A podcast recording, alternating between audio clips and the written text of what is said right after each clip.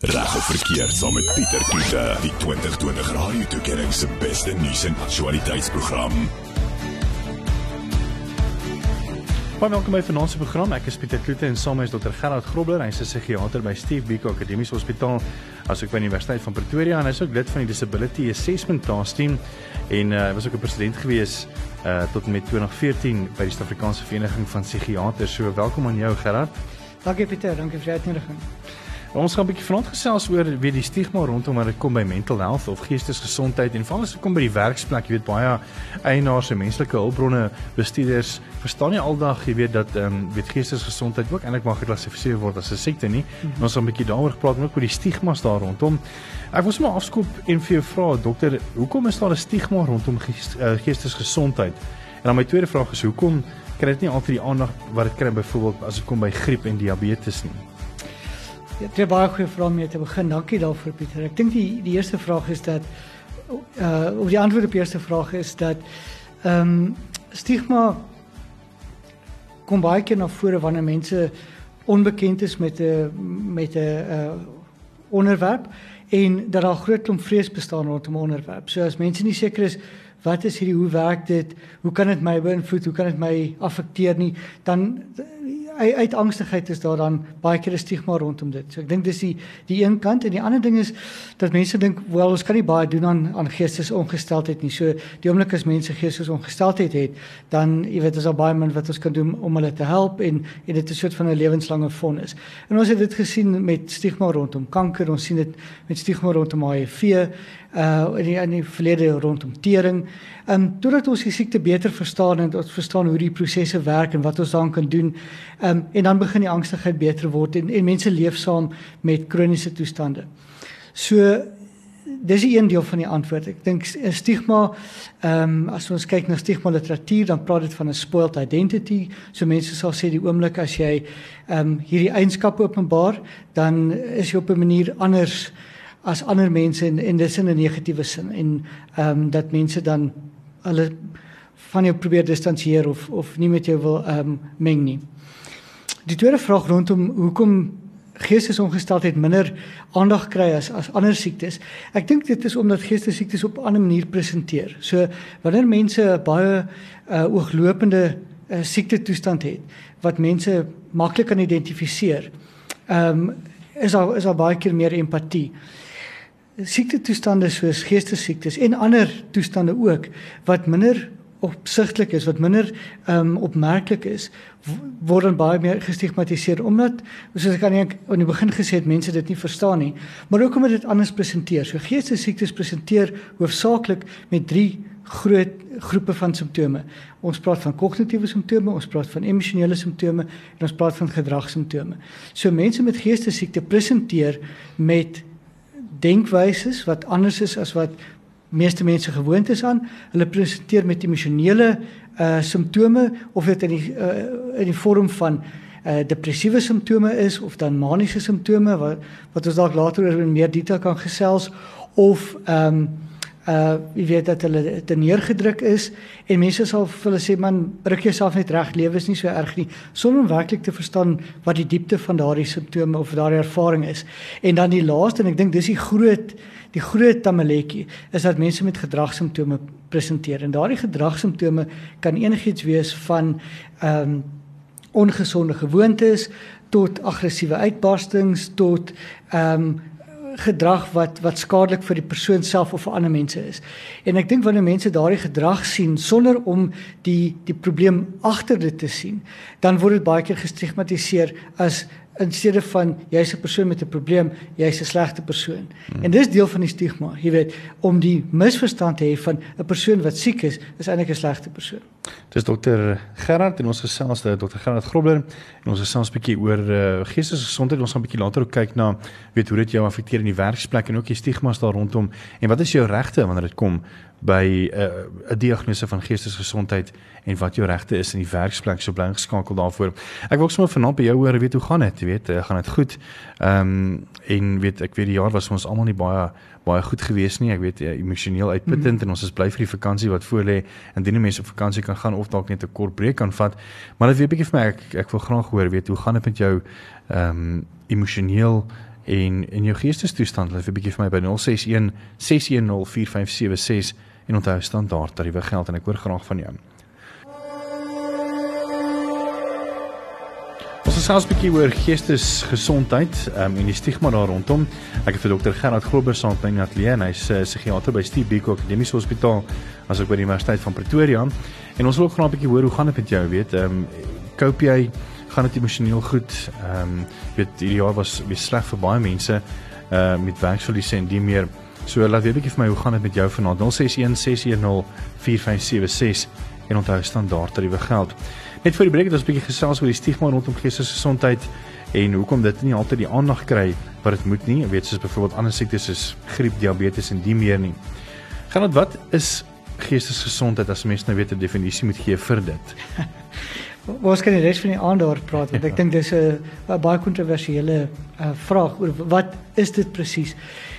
Die benadering wat ons gewoonlik volg is om te praat van 'n biopsigososiale benadering. So daar's 'n biologiese element of biologiese komponent daaraan daar's 'n sielkundige element en dan so 'n sosiale element. En so baie keer sal mense vra, jy weet maar is, is uh, geestesiektes nie maar net 'n verwagte reaksie op negatiewe lewensomstandighede of jy weet iets slegs wat met jou gebeur nie. Is dit nie normaal dan om depressief te voel nie? So Ek dink dit is baie belangrik vir mense om te besef dat uh, al hierdie simptome wat ons oor gepraat het, die die kognitiewe simptome, die gedragssimptome en die emosionele simptome, lê op 'n spektrum.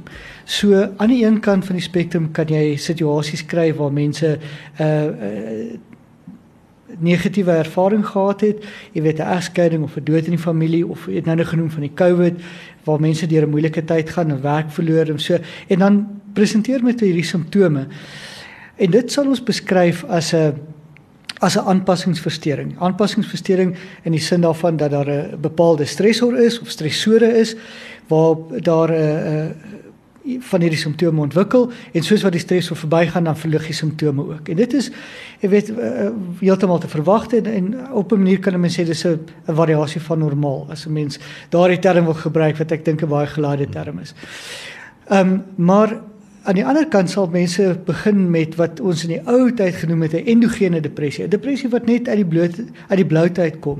En dan is daar 'n soort van 'n spektrum in die, in die middel waar mense miskien hulle eerste depressiewe episode kry vanweë 'n uh, 'n teens 'n uh, uh, terugslag in hulle lewens, maar later van tyd kom hierdie depressiewe episode net spontaan en die die sogenaamde endogene depressie waar die persoon dan um, uit die bloute depressiewe simptome kry en dit is baie keer vir die families en die mense rondom hulle baie moeilik om te verstaan. Sê maar jou lewe gaan goed, jy weet, jy het al die goed om vir dankbaar te wees. Hoekom is jy so depressief? Wat weet, wat sê jy en dis waar deel van die stigma dan inkom. So ek verduidelik baie keer vir my studente of my junior dokters dat uh, aanpassingsversteuring is is amper soos 'n damwal. Jy weet, 'n damwal wat wat vol word met water en as daai water te hoog raak, dan begin dit oor die damwal spoel en dan sien jy die simptome wat uitkom. Pasiënt ontwikkel gemoedsiektes of of uh, gemoedsimptome ten minste of angstige simptome. Hulle kan nie slaap nie, hulle aptyt is aangetas. Goed wat hulle van tevore geniet het, is nie meer lekker nie. Al die die soort van depressiewe simptome wat ons standaard vir mense leer. En dan die ervaring van ek voel nie lekker nie, dit gaan nie goed met my nie. Ek geniet nie meer my lewe nie tot selfs gedagtes om my lewe te beëindig en, en dan is ons in die in die veld van um, selfdood waar ons miskien later kan praat. So jy het gevra oor die die oorsake ehm um, aan die biologiese kant ehm um, dink ons ons ons ehm um, is bewus vir etlike jare van die sogenaamde biogene teorie wat te maak het met die oordragstowwe in ons brein serotonien, dopamien en ehm um, uh norepinefrin of noradrenalien en ons medikasies wat ons deesdae tot ons beskikking het, werk spesifiek op hierdie op hierdie biogene amine, maar daar is ook ander substansies wat nou na vore kom. Goed so substans P, die endogene opiate, die endogene uh, die uh, endogene uh, cannabinoïde stelsel word geïmpliseer in baie van ons toestande. Ehm um, daar's ook 'n sterk genetiese komponent daaraan, so gemoedsiektes veral uh, en goed so skizofrenie byvoorbeeld uh, neig om in families voor te kom. En dan uh, het ek gepraat van die sielkundige aspek of die psigogene aspek. Dit is waar die die ervarings wat mense ervaar, die die terugslag wat hulle kry en die die aanslag van die lewe wat hulle kry, ehm um, dan van die simptome kan aanskakel en die sosiale aspek het jy nou nou aangeraak ook. Ons het selfs net nou 'n bietjie verder oor hoe geestesgesondheid jou by die werkplek uh, werkplek kan beïnvloed en ook wat jou regte is by die werk wanneer dit kom by geestesgesondheid. So bly geskakel daarvoor. As enige vrae het, menes welkom 061 6104576 onthou standaard tariewe geld. En ek wil ook sommer vanaand by jou hoor, weet hoe gaan dit met jou? Weet gaan dit goed? Uh onder omstandighede, weet hoe jy die jaar ehm um, deurgemaak ten spyte van al die negatiewe uh natuurlike goed wat wat op jou wat op jou uitgewerk het, jy weet soos COVID-19 werksverliese, uh salarisaanpassings en die meer. Nou weet ek my ek sal graag jou storie wil hoor 061 6104576 onthou standaard tariewe geld. Reg of verkeerd met Pieter Kloete. Dinsdae aande net na 8 op Groot FM 90.5. Ek gesels met dokter Gerard 'n psigiater by Stiebeek Akademiese Hospitaal asook Universiteit van Pretoria. En ons gesels oor die stigma rondom geestesgesondheid en veral wanneer kom by die werksplek en ek wil 'n bietjie vanaand by jou hoor. Uh, dankie vir die WhatsApp boodskap wat al reeds deurgekom het oor hoe gaan dit, jy weet, ehm um, het jy deur hierdie moeilike jaar gekom en en weet uh, hoe het jy dit gemaak? Ehm um, weet hoe het jy jou geestesgesondheid gesond gehou deur hierdie tyd van van moeilike tye, jy weet van salaris uh, wat gesny word, mense wat hulle werk verloor het, COVID-19 en natuurlik al die negatiewe nuus wat mense in die nuus hoor. So laat weet ek vir ons by 061 6104576 en onthou standaard tariewe geld. Hoe kan geestesgesondheid jou werk beïnvloed, dokter?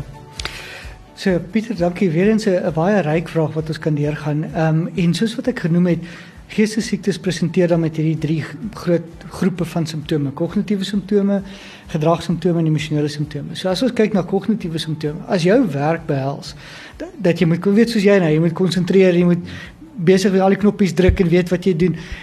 As jy begin sukkel met jou konsentrasie, as jy begin sukkel om jou aandagspan te behou of as jou geheue ingekort word, wat 'n algemene simptoom van depressie is, ons sien dit in bipolêre siekte, ons sien dit in siektes soos skizofrenie en sekerlik dan met demensie, jy weet die Alzheimer tipe van siektes. Dit is die essensiële deel van die toestand, dis dat jou kognitiewe vaardighede aangetast word. Dan dan gaan jy sukkel om jou werk te doen.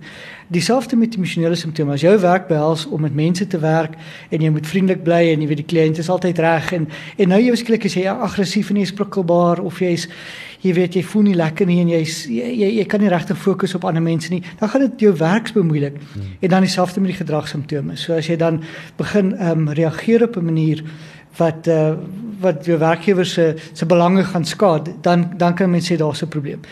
Ons wil graag onderskei tref tussen twee aspekte. Die een is wat ons wat ek vertaal het uit Engels as werksongeskiktheid of sogenaamde impairment en die die kerndeel daarvan is dat jy nie meer in staat is om die essensiële funksies van jou taak te volvoer nie soos wat ek nou net beskryf het. En dis anders as ehm um, wat ek vertaal het as 'n inperking of werksinkorting of sogenaamde disability. So wanneer ons ehm um, ons ondersoeke doen, dan probeer ons die onderskeid tref tussen ehm um, impairment en disability of werksongeskiktheid in of teenoor 'n um, inperking van funksie.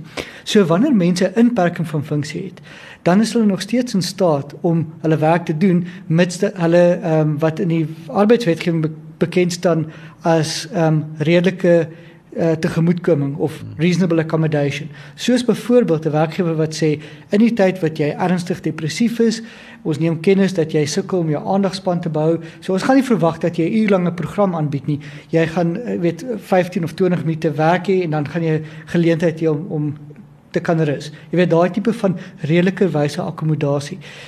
Die wet maak voorsiening daarvoor dat ehm um, en dis deel van die proses van ongeskiktheidsassesserings of of disability assessments waarvan jy gepraat het. Ons het dit in die in die eerste weergawe van die ehm um, die riglyne ingeskryf en ons is deel van die redes kom ek hier is is juist om te praat oor die riglyne. Ons is besig om daardie riglyne te hersien. Dit ons het dit so 4, 5 jaar gelede gedoen en ons voel dat dit tyd is om dit weer op te dateer met die met die nuwe ehm um, soort van benaderings wat wat in die wêreld ontwikkel het oor die afgelope paar jaar. So ons ehm um, adviseer werkgewers om om op kreatiewe maniere te kyk hoe hulle werkers kan akkommodeer. Natuurlik is dit moontlik dat mense in die midde van 'n ernstige siekte glad nie in staat is om te werk nie. En dis dan die soort sogenaamde tydelike ongeskiktheid waar mense dan siekverlof neem en ons kan dalk 'n bietjie oor siekverlof gesels want ek weet dit is 'n 'n sensitiewe onderwerp maar die doel van siekverlof is juis om 'n werkgewer tegemoet te kom en te sê hierso is 'n geleentheid vir jou om gesond te word. Nou mense dink baie keer, wel, siekverlof be beteken ek gaan sit by die huis en ek doen niks nie en ek en ek rus. En dit is nie wat ons eintlik wil hê met siekverlof nie. Wat ons wil hê met siekverlof is dat mense daardie tyd gebruik wat hulle by die werk sou spandeer om gesond te word. En daai gesond word kan beteken om medikasie um, te begin neem en te hersien. Dit kan beteken om jou sielkundige te gaan sien uh en besig te wees met psigoterapie. Dit kan beteken om 'n arbeidsterapeut te gaan sien en besig te wees met werksrehabilitasie, sogenaamde werksfiksheid wat ons van praat.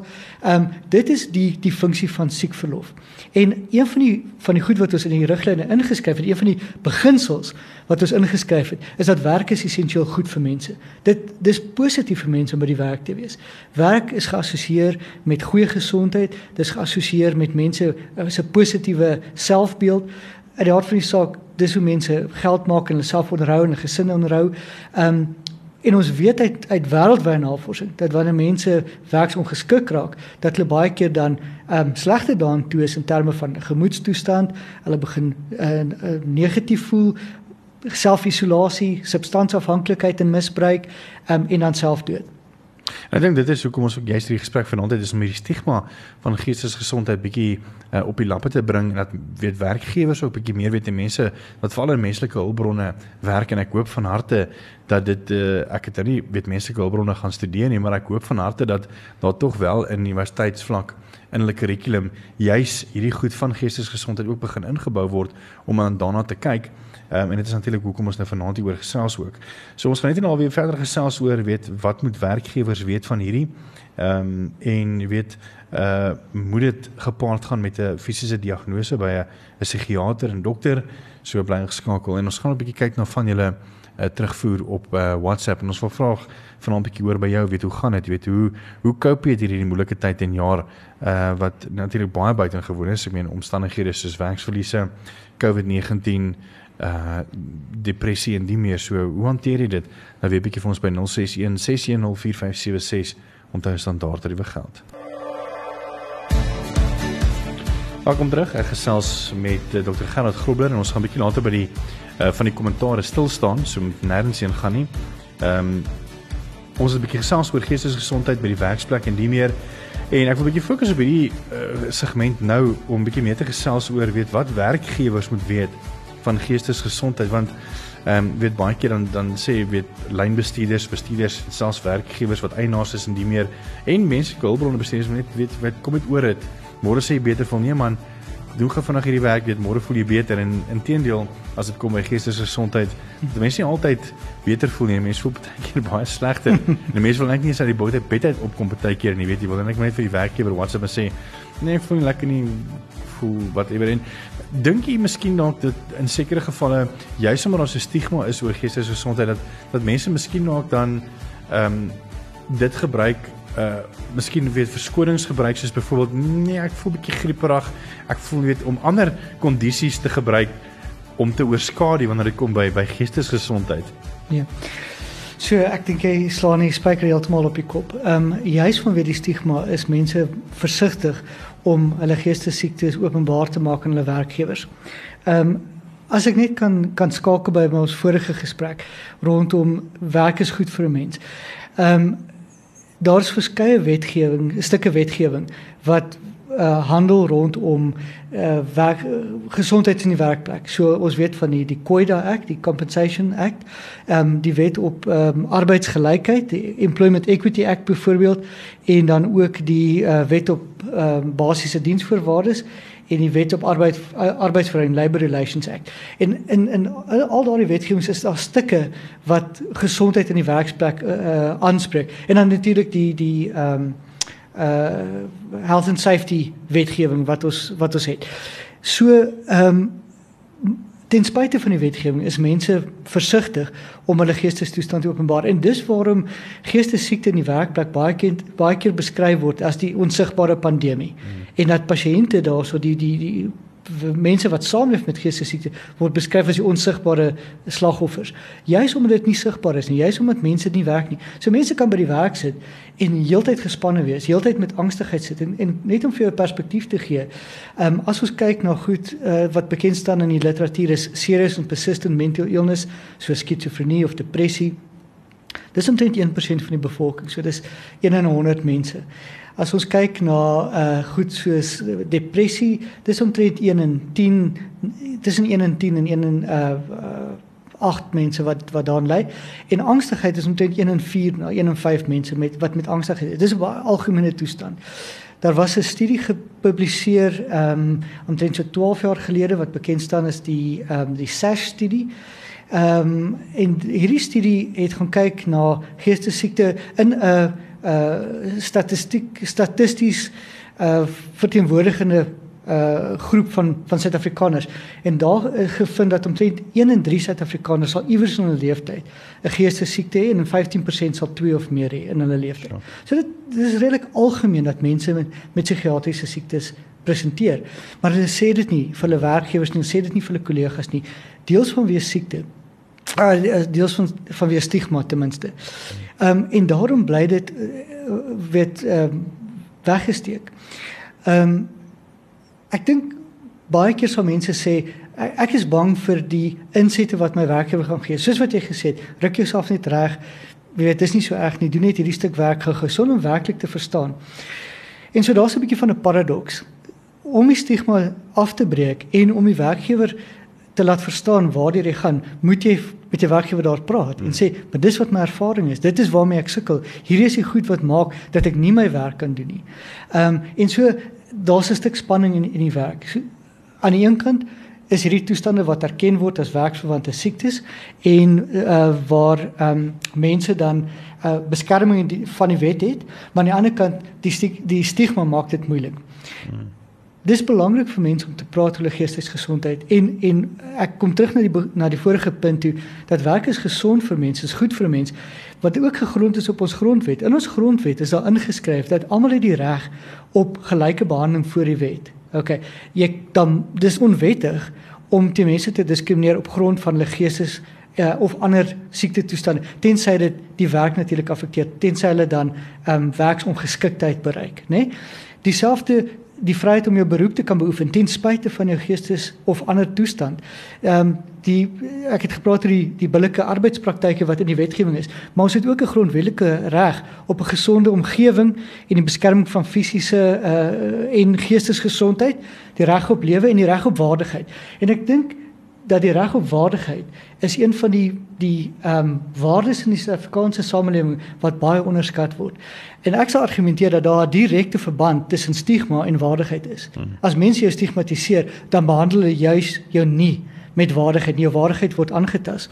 So om om aan te sluit hierby, volgens Suid-Afrikaanse wetgewing het werkgewers die verpligting om 'n veilige en 'n nie toksiese omgewing te skep nie. Nou mense sal dink dit beteken dan moenie gifstowwe wees nie en dan moenie jy weet ouens moenie blootgestel word aan swaar metale nie en die tipe van ek argumenteer dat dit sluit ook emosionele toksisiteit in. So as jy in 'n werk in 'n in 'n plek werk waar jy heeltyd onderdruk is, waar jy heeltyd aangeval word, waar jy heeltyd gekritiseer word, al weet jou werkgewer nie wat jou geestestoestand is nie, dan is dit 'n toksiese omgewing. As jy met 'n kollega saamwerk en daar's heeltyd konflik tussen julle, daar's heeltyd wrywing, dis nie goed vir jou geestesgesondheid. Dis ook nie goed vir die ander persoon se geestesgesondheid nie. So deel van die werkgewer se verantwoordelikheid, wetlike verpligting, is om 'n werksomgewing te skep waar mense nie toksies behandel word nie.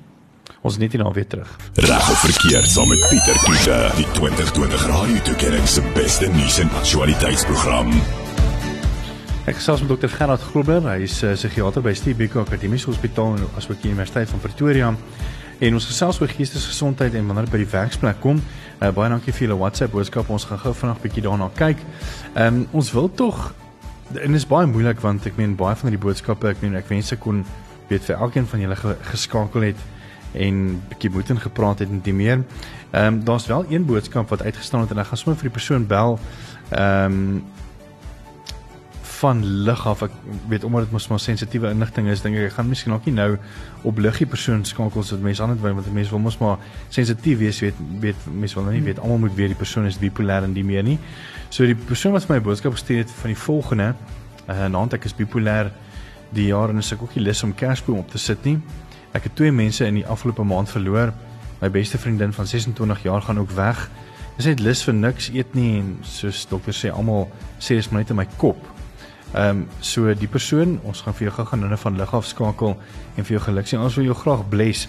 Ehm um, weet Spar het vir ons moontlik gemaak om hierdie week ehm um, vir weet persone wat ons dink weet dit nodig het ehm um, 'n likeie te gee en te sê hoorie so ons wil jou graag bless met R500 met die komplimente van Spar wat jy kan gebruik by enige Spar landwyd. So uh, ons gaan vir jou net nie na 'n bietjie skakel en vir jou sê hoorie gaan bederf jouself ehm um, gaan koop vir jou ietsie en en, en hopelik jy weet kan dit miskien nog help met met ehm um, weet 'n bietjie uit te kom uh en die meer. Maar ek weet dit lyk vir my dokter dit is maar weet veral met met hierdie jaar weet ehm um, dis nie maklik nie weet. En veral as dit kom by bipolariteit. Hmm. Ek dink mense is onder onder groot druk en soos ek van tevore verwys het, mense het verskillende vermoëns en kapasiteit om uh om hierdie druk te weerstaan en om om daarmee saam te leef. Ek dink dit is baie belangrik om vir mense om te weet wat hulle eie uh, innerlike hulpbronne is. So vir party mense sal dit wees uh, om uit te reik na hulle families toe, hulle vriende, die mense rondom hulle. Ehm uh, party mense is meer introvert, hulle hulle uh, innerlike hulpbronne lê meer in hulle self. Hulle hulle doen nie goed wat nodig is vir hulle. En ek dink soos wat ons na onsself kom sien in terme van ons dieet en oefening en dis meer behoort ons ook na ons eie geestesgesondheid om te sien. En dit behels om soort van val hierdie tyd van die jaar 'n bestekopname te doen om te sê waar is ek in my lewe? Wat is die goed wat goed is vir my? Wat is die goed wat nie goed is vir my? Wie is die mense wat goed is vir my? Wie is die mense wat nie goed is vir my nie? Watter verhoudings dra by tot my geestesgesondheid? Watter verhoudings dra by tot my geestesongesteldheid? Hmm. En om iets te doen daaraan. Uh en dit kan beteken om die verhouding te probeer herstel, maar dit kan ook beteken om 'n verhouding te beëindig en weg te stap daarvan. So mense ehm uh, behoort hierdie tyd van die jaar soos wat hulle na hulle liggame omsien met oefening en dis meer, behoort hulle ook na hulle gees om te sien deur in 'n uh, bestekopname te doen. Nog 'n boodskap wat geskryf wat vir my nogal uitgestaan het was um, iemand wees wat ehm um, in 'n mynongeluk was en uh, is nou bipolêr en weet so dit beteken hy kan nie meer ondergrond werk nie en daarvoor is hy gediskwalifiseer of uh, kan hy nie meer werk nie.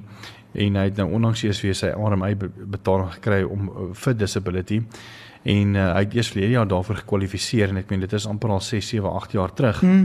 uh, wat dit gebeur het so ek meen dit kan hy ook nogal half uh, terugbring mm. ek dink dit is waar mm. die belangrikheid van weet bewusmaking vir geestesgesondheid veral onder menslike hulpbronne span want ek meen soos u voor uh, in die breek gesê het ek meen uh, die werkgewer kon netlik gesê weet jy wat in plaas van aflegging kom ons kyk of daar nie nog iets anders is nie ja. ek meen daar's tog voordele vir vir 'n maatskappy om dan um, om as jy nou geklassifiseer word as 'n 'n uh, geestestoestand dan is jy eintlik maar weet onder 'n ehm 'n persoon met met 'n ander ability, mens wil nie sê disability nie, maar ja.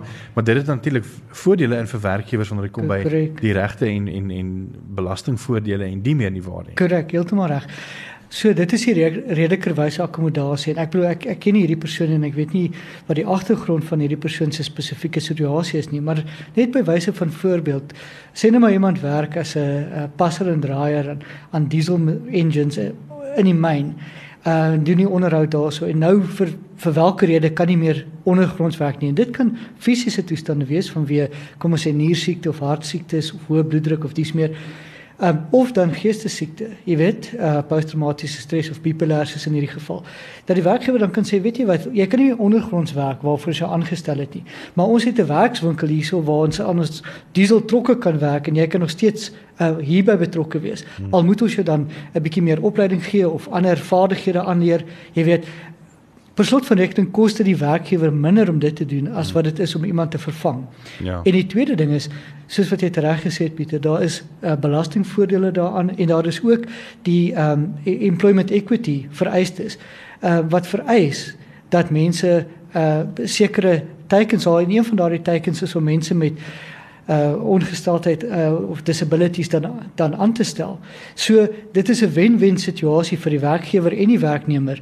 Ehm um, as mens uh, so redelikerwys akkommodasie kan vind. Dis nie altyd moontlik nie. Ek ek stem daarmee saam. Dis weet dalk 'n bietjie idealisties, maar mens moet ten minste 'n poging aanwend. Ja.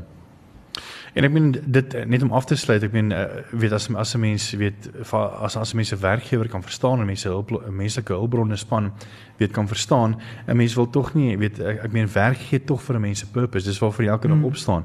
Weet mm. om te gaan werk en en dit gee vir jou 'n doel en as jy dit nie meer het nie, jy's by die huis, dan verloor jy amper half daai doel om te lewe nie waar nie. So dis baie waar. Ek dink dat werk as 'n as 'n konsep gee vir mense menswaardigheid en dit gee hulle ook 'n doel in die, in die lewe. Maar ek dink nie dis waar dat wanneer mense hulle werk verloor of of dit nou vanweë ekonomiese omstandighede of dit nou vanweë siekte toestande is nie, dat hulle lewens ewe skielik ophou om waarde te hê nie. En wat my raad aan mense is is om dan 'n 'n nuwe doel in hulle lewe te vind. Dit is amper dan om jouself te herskep in 'n ander rigting. En dit is 'n baie bevrydende en ook 'n baie bemagte baie bemagtigende proses om deur te gaan. Uh en weer eens, weet ek klink nou soos 'n regte psigiater, maar ek dink dis dis belangrik vir mense om dit te hoor dat werk is belangrik, dis reg, maar die werk is nie die begin en die einde van alles nie. Werk is uh, uh die, geleentheid om jouself te herskep en te herstel is is 'n baie bevredigende baie bemagtigende proses om deur te gaan.